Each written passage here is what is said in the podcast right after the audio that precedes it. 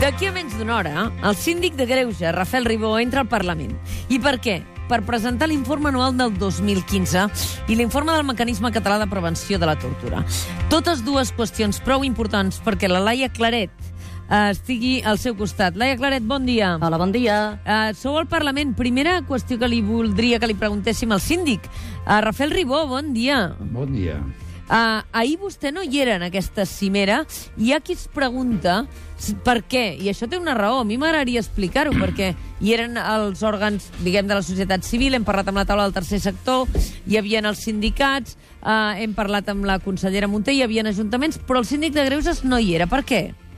Dit curt i ras, perquè a mi em toca controlar i garantir drets de la gent davant de tots aquests que hi eren. Correcte. O sigui, Correcte. jo no puc anar uh, com la dona del César, no només anar ni fer-ho veure, Sí. uh, en cap mm, òrgan uh, on hi hagin institucions sobre les quals jo he d'emetre um, garanties de drets i, si de cas, suggeriments perquè es millorin. Puc col·laborar amb tota la meva gent, amb qualsevol d'aquestes institucions, però no participar en elaboracions perquè després tindríem menys capacitat de judici i d'anàlisi sobre el que hagin pogut decidir. A Magnífic. més, afegint-li que el síndic, perdoni que ho llueixi perquè és mèrit de tota la gent que ha col·laborat amb el síndic i també de molts col·legis professionals, entitats, moviments socials que fa temps que venen treballant amb el síndic, ajudant-lo a fer-ho, fa tres anys que proposa mesures com la de la segona oportunitat per l'habitatge davant dels desnonaments, mm. mesures que funcionen des de fa molts anys a democràcies tan madures com la alemanya o com la francesa i que fan encara més incomprensible el recurs del govern d'Espanya al Tribunal Constitucional contra aquests articles de la llei 24-2015, la que preveu aquestes mesures que puguin ser aplicades a Catalunya. Perfecte. Aclarit això, ho dic perquè uh, lògicament hi haurà qui s'ho hagi plantejat, eh, veure que era una gran cimera, de dir, home, el síndic, amb qui parlem nosaltres un cop al mes de totes aquestes qüestions, uh, doncs com és que no hi era, no? Doncs jo crec que ha quedat perfectament explicat. Laia, què passarà avui al Parlament de Catalunya? Doncs mira, això és el que m'agradaria preguntar-li al senyor Ribó, perquè veure, d'aquí una hora compareixerà, és a dir, farà com si diguéssim de veu de, de les queixes, de les reclamacions que li fem nosaltres, que li fem als ciutadans. I, primer de tot, senyor Ribó, m'agradaria que ens expliqués breument, pels oients que no ho saben, quin és el procediment. Vostè compareix davant del Parlament, com s'interpel·la amb els parlamentaris, breument, com, com funciona, no? com és el funcionament del, del que presenta avui vostè. El, el síndic neix d'una elecció molt majoritària, amb una majoria molt qualificada del Parlament per tenir plena independència i només respon que davant del Parlament. Haurà vist que el síndic mai surt a respondre a opinions de polítics o de mitjans de comunicació, sinó va sempre a debatre amb els representants de la població. Sí. Quantes vegades hi va l'any? Obligatòriament per als informes anuals. I aquest, el que presentem avui, és el que agafa tot el que hem fet durant el 2015. El vàrem lliurar a principis d'any, a principis de febrer del 2016, s'ha discutit en comissió i ara arriba al ple. Hi ha altres tres informes que també portem al, al seu moment de calendari, com és el dels drets dels infants, com és el del mecanisme català de prevenció, maltractaments i tortura, i com serà a partir d'enguany el de la transparència.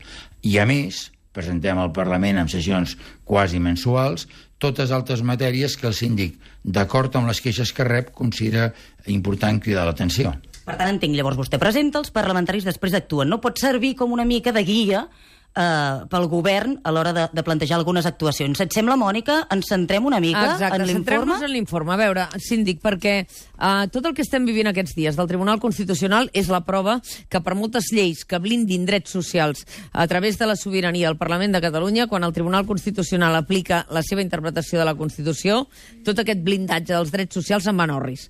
Vostè li demana a l'executiu de Puigdemont, en aquest informe, que blindi drets socials. Ja m'explicarà com ho poden fer si cada llei que surt del Parlament acaba tombada o suspesa al Tribunal Constitucional. Primer, molt més enllà de les lleis, hi ha uns camps molt grans d'actuació.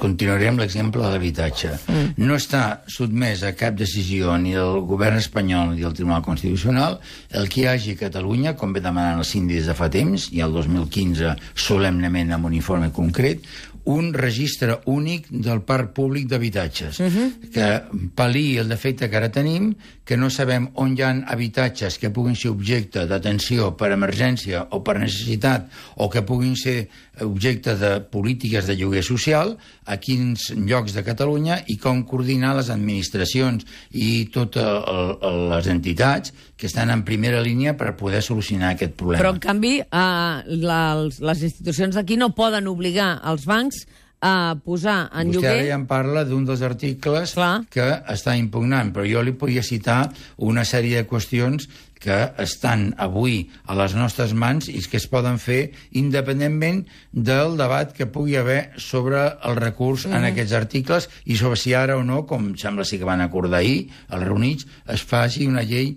que pugui superar eh, la suspensió que comporta Ah. la decisió del govern espanyol.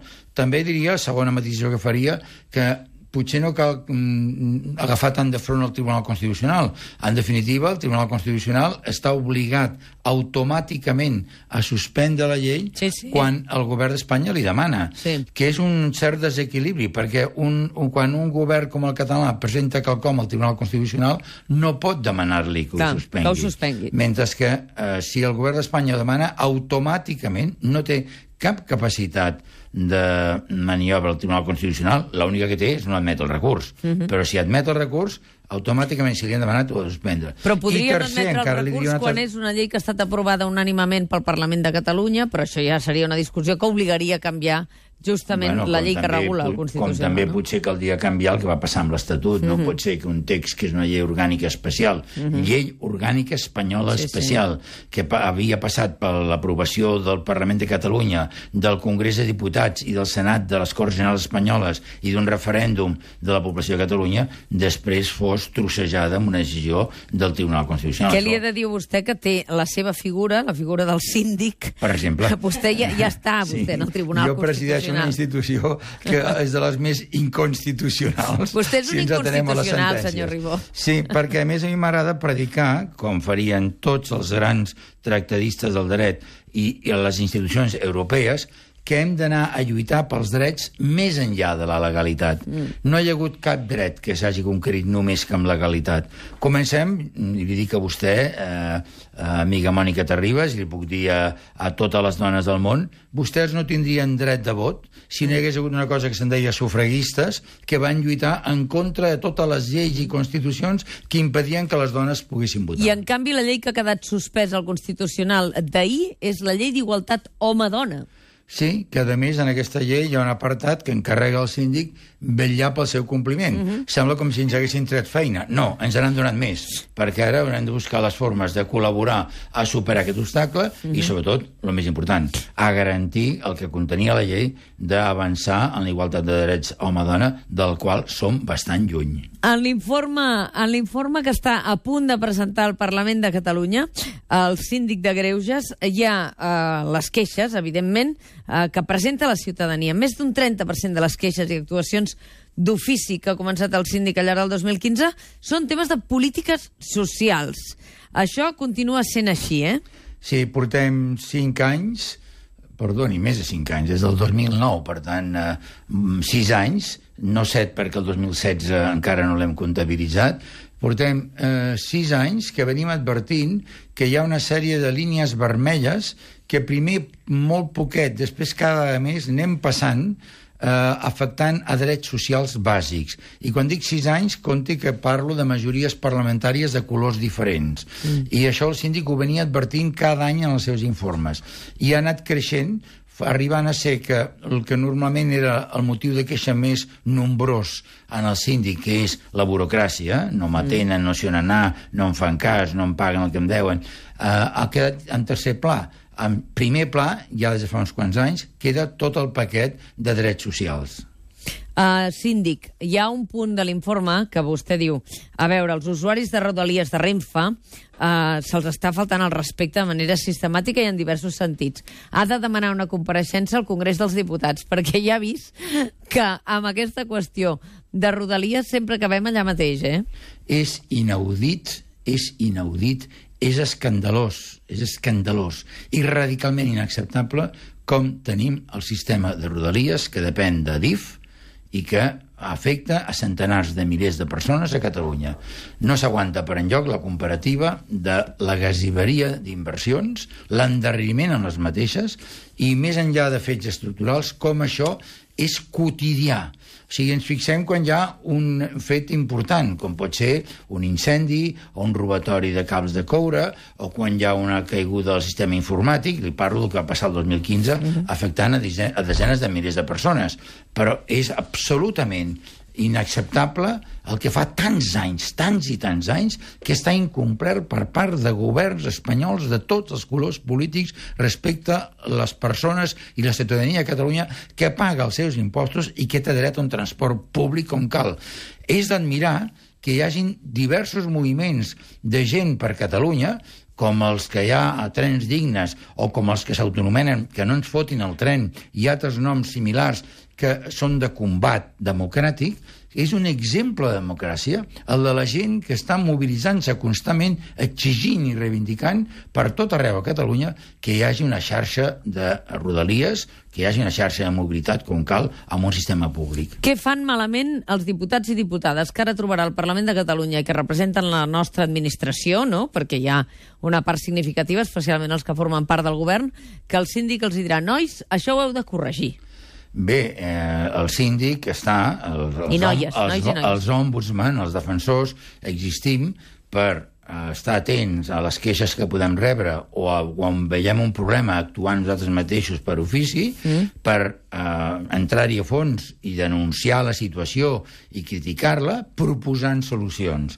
I el que avui els hi recordaré al plenari, el mateix que hem discutit en comissió en tots els parlamentaris sobre aquest informe anual, que és quins són els grans capítols sobre els quals caldria posar colzes.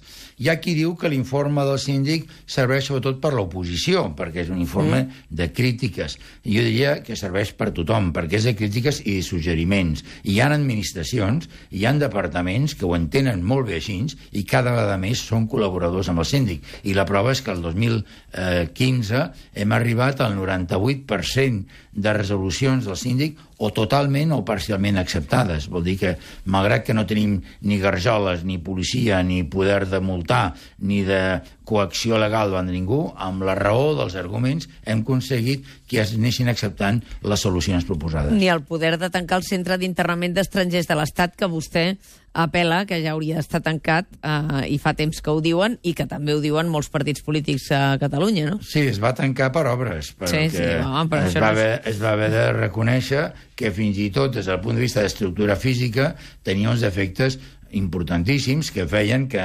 tinguéssim tancats amb una instal·lació que és molt més eh, tancada que una, un centre penitenciari sense les condicions d'un centre penitenciari i a més persones que sovint no tenen cap tipus de sentència ni de fet penal pel qual han d'estar tancats, que estan pura i simplement amb una qüestió de possible irregularitat administrativa. Uh mhm. -huh. No té sentit al segle XXI, i més amb el que està passant avui en tota Europa, que mantinguem aquest tipus de centres. I una última qüestió, síndic. L'informe del Mecanisme Català de Prevenció de la Tortura uh, insisteix les, al síndic que cal aplicar el protocol d'Istanbul per poder detectar bé els maltractaments. Aquí, internament, s'han fet els deures, els procediments a casa nostra se segueixen? Miri, quan el mecanisme va presentar aquest informe amb aquesta recomanació número 1, eh, se'ns va reconèixer que aquest protocol era totalment desconegut. Ho és a Catalunya i ho és arreu de l'Estat. Anem molt endarrerits. Mm. És un protocol de Nacions Unides. Mm. És un protocol que diu coses tan senzilles com si una persona que ha estat detinguda argumenta que ha estat objecte de maltractaments, quan un forense, un metge, l'hagi de revisar per saber quines proves poden haver mèdiques d'aquests possibles maltractaments, no hi hagi el funcionari o membre dels cossos de seguretat sobre el qual es queixa que eh, li ha fet maltractaments al davant mentre l'estan examinant, que sigui pura i simplement una visita mèdica. I en aquest sentit això, doncs, no solament no es compleix, no es té en compte, sinó que a vegades encara ens trobem reaccions i faltaria més que el mhm. deixéssim només amb el metge. Doncs, uh, síndic Rafael Ribó, que vagi molt bé aquesta compareixença. Avui hem tingut la sort de poder parlar amb el síndic de Greuges abans de la compareixença davant del Parlament. Estarem amatents uh, si realment després hi ha reaccions per part dels parlamentaris i les parlamentàries. Moltes gràcies. Moltes gràcies a vosaltres. Gràcies, Laia. Adéu.